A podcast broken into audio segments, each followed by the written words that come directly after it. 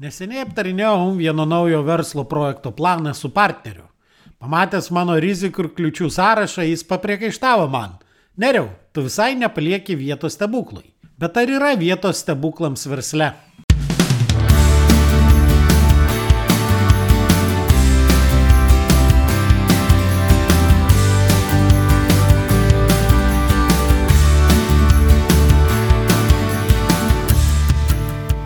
Sveiki, jūs klausotės podkasto Nuo amato prie verslo, kuriame tikima, kad verslas turi būti pajamų, pasiekimų ir pasitenkinimo šaltinis, o ne tik kelti stresą ir deginti laiką. Su jumis aš, šios laidos autorius ir vedėjas, verslo konsultantas, treneris ir efektyvumo fanatas Nerius Esinavičius. Jūs klausotės jau 14 tinklalaidės epizodo. Šis epizodas į eterį paklius didįjį penktadienį, prieš pat Velykas. Velykos krikščionybėje simbolizuoja Kristaus prisikėlimo stebuklą. Tačiau verslas, jo valdymas ir tobulinimas skiriasi nuo religinių dalykų.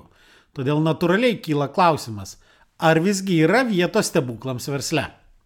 Prisipažinsiu, aš stebuklais netikiu. Todėl planuodamas naują verslo projektą ar pokytį organizacijoje visuomet vadovaujasi trimis planavimo taisyklėmis.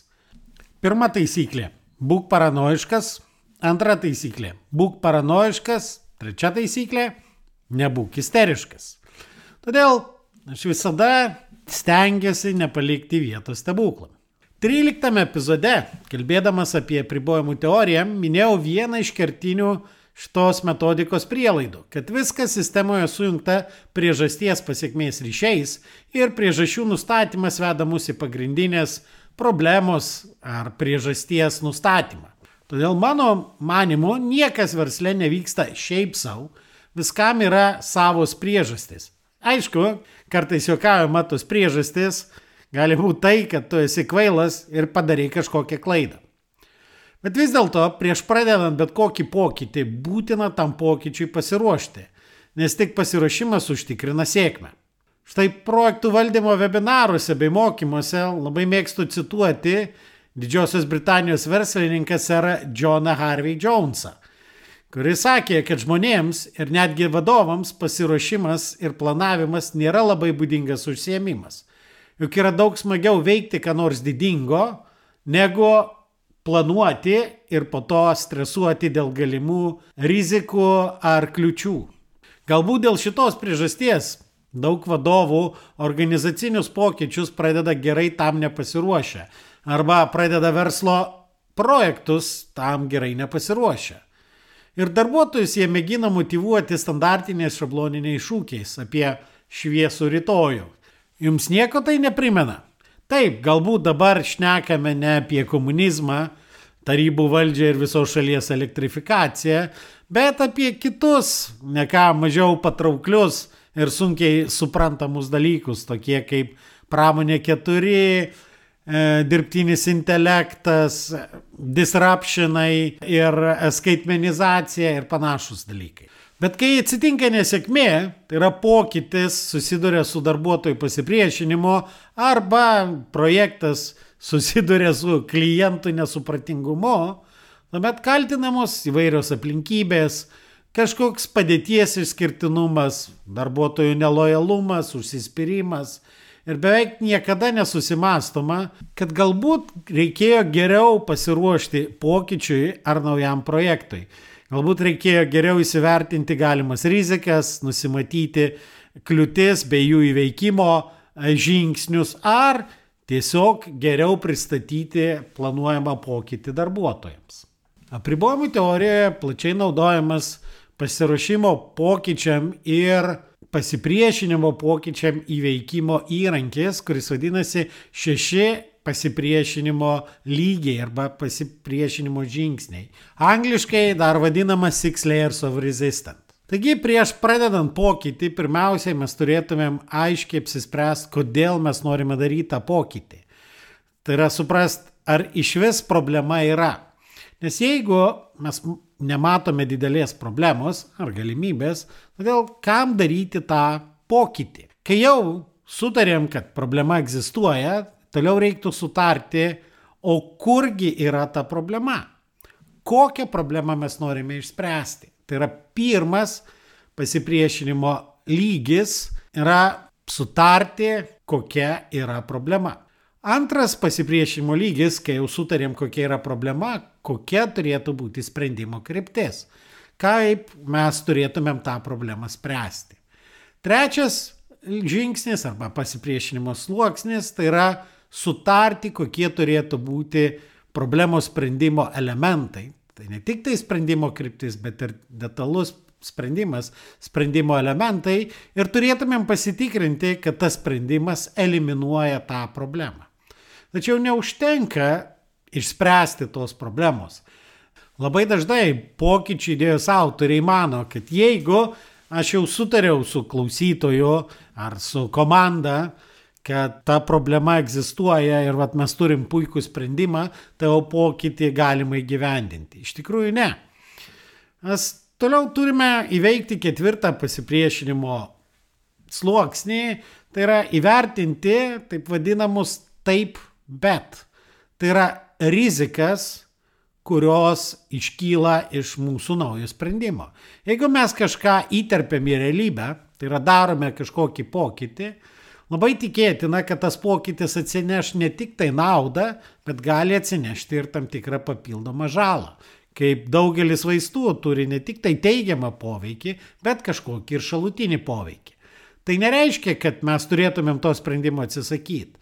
Tiesiog mes turėtumėm tą sprendimą papildyti tam, kad eliminuoti galimas neigiamas pasiekmes bei suvaldyti rizikas. Įveikus ketvirtąjį lygį mums reikia įsivertinti ir penktą lygį, tai yra galimos įgyvendinimo kliūtis. Sprendimas gali būti labai puikus, tačiau galbūt šiuo metu mes neturime kažkokių reikalingų priemonių tavo sprendimo įgyvendinimui. Vėlgi, kliūtis mes galime įveikti ir sudarydami pokyčio įgyvendinimo planą, mes galime turėti puikų projekto planą. Visgi, mes galime praignoruoti tiek tikėtinas rizikas, tiek kliūtis, tačiau gyvenimas jų nepraignoruos. Ir aišku, mes Tikrai galime tikėti stebuklo, bet stebuklas nebūtinai įvyks. Dažniausiai stebuklas ir neįvyks. Visgi, net turint puikų pokyčių įgyvendinimo planą, mes kartais galime susidurti su šeštuoju pasipriešinimo sluoksniu, taip vadinamam neįvardintom baimėm, angliškai unverbalized fears. Tai yra situacijos, kai jau pradeda veikti įvairūs giluminiai psichologiniai dalykai, jau kartais žmonės sutinka su mūsų visais pateiktais argumentais, jie sutinka, kad problema yra, jinai tokia ir kad sprendimo kryptis gera ir sprendimo elementai ir nauda bus ir kad mes suvaldysim rizikas ir turim puikų įgyvendinimo planą, bet jie vis tiek nedaro tų reikalingų pokyčių veiksmų, todėl kad mes neužkabinom jų problemos. Sprendimas geras, jisai duos naudą, bet ne tam žmogui vėlgi turime pasiruošti, pasižiūrėti, kaip mūsų sprendimas gali išspręsti vienokią ar kitokią to žmogaus problemą. Toks pasiruošimas iš tikrųjų labai smarkiai padidina pokyčio ar naujo projekto, verslo projekto, verslo idėjos įgyvendinimo sėkmės tikimybę. Juk Seneka yra pasakęs, kad sėkmė tai kaip pasiruošimas susiduria su galimybė. O aš galėčiau pridėti, kad nesėkmė, kaip pasipūtimas, susiduria su realybė. Tačiau nepaisant viso pasiruošimo, viso apmąstymo, mes vis tiek bandome nuspėti ateitį. Ir aišku, ne visada mums pavyksta tą ateitį nuspėti, todėl kartais nutinka ir stebuklai. Tai yra dalykai, kurių mes visiškai nesitikėjome. Stebuklai būna įvairūs, ne tik tai blogi, bet būna ir geri. Štai vienos kelionės Junktinės Amerikos valstijas metu viešbutyje televizoriaus pulteliu, keliaudamas per dešimtį siūlomų kanalų, užkliuvau už pakankamai kvailoko muzikinio filmo produceriai, producers, kuriame vaidino ir dainavo žavioji Uma Turman.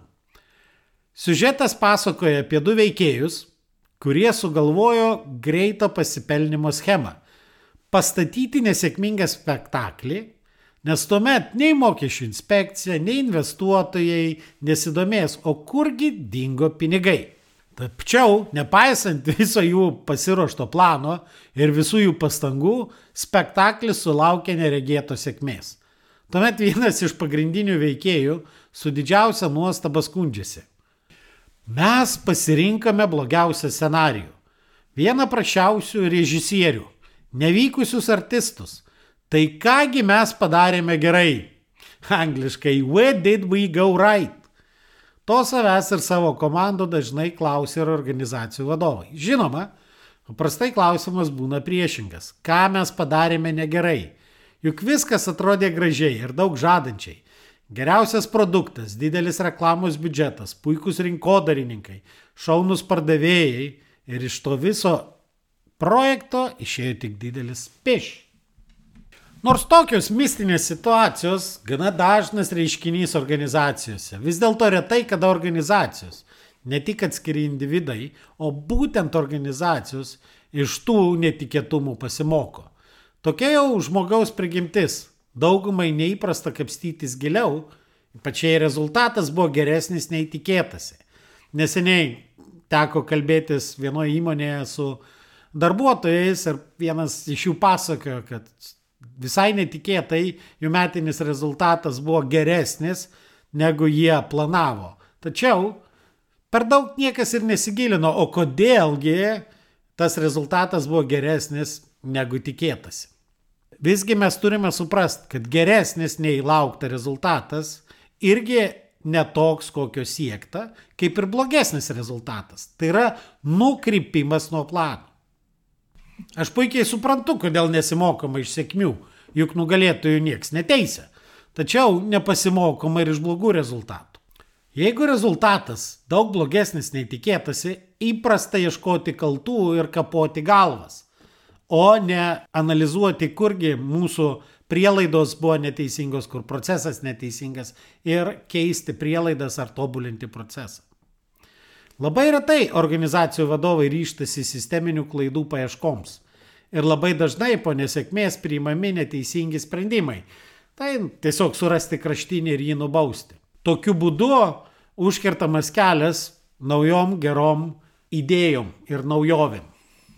Mokymasis iš savų klaidų nėra malonus užsiemimas.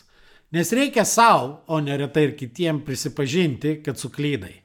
O toks prisipažinimas daugumai vadovų atrodo kaip rimtas smūgis ne tik jų reputacijai, bet ir jų ego. Kai nutinka bloga klaida, tokia, kai mes patiriame nuostolius arba negauname planuotų rezultatų, tuomet tokią klaidą sunku ignoruoti. Bet visada galima rasti, ką apkaltinti, kokias nors aplinkybės ar panašiai. Bet kai nutinka gera klaida, Tai yra, kai gaunamas geresnis nei tikėtasi rezultatas, ta klaida ignoruojama.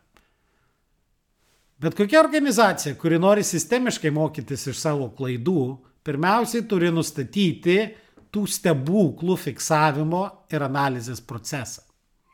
Stebuklas tai tokia situacija, kai planuotas rezultatas ir faktiškai pasiektas rezultatas smarkiai skiriasi. Būtina analizuoti ne tik nesėkmės atvejus, bet ir tuos, kai rezultatai ryškiai pranoksta planuotą. Juk nesupratus, kodėl gavosi daug geriau nei laukta, bus švaistomos kitos puikios progos gauti geresnių rezultatų. Galbūt kažkur ir kitur mes galime gauti daug geresnius rezultatus, negu dabar gauname. Ir tas geresnis rezultatą mes turime išanalizuoti.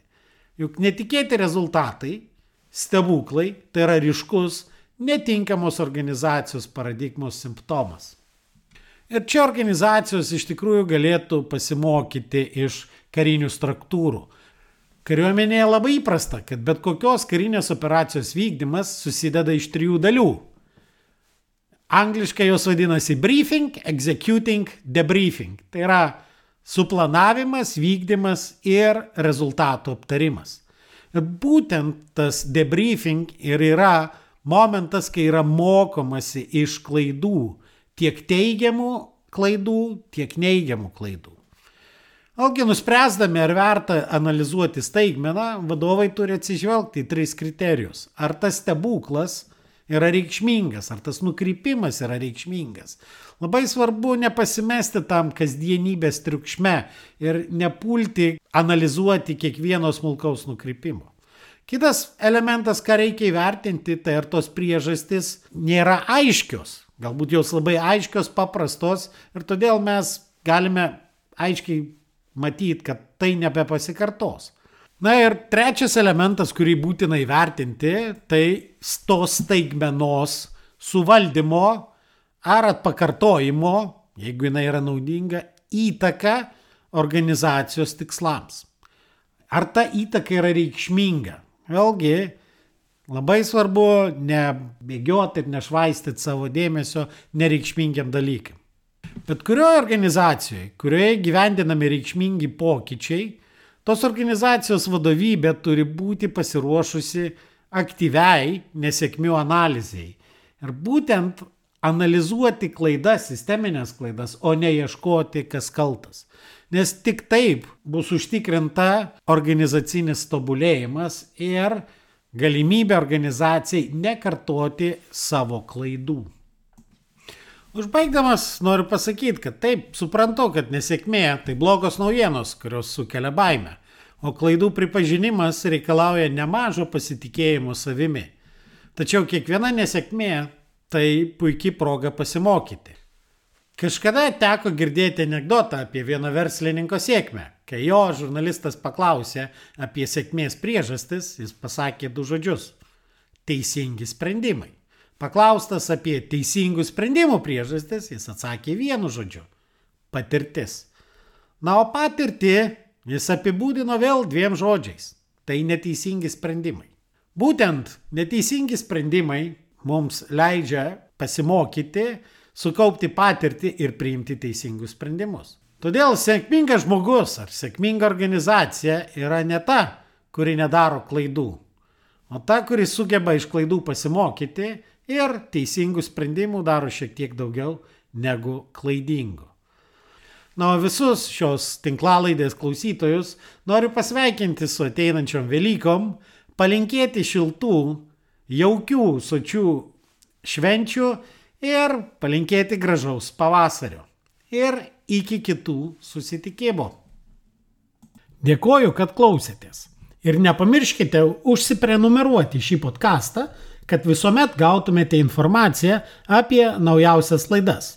Taip pat būsiu labai dėkingas, jei įvertinsite šį podcastą palikdami atsiliepimą savo įprastoje podcastų platformoje. O jei pažįstate kažką, kam jūsų nuomonė šis podcastas būtų naudingas, būtinai pasidalinkite. Iki!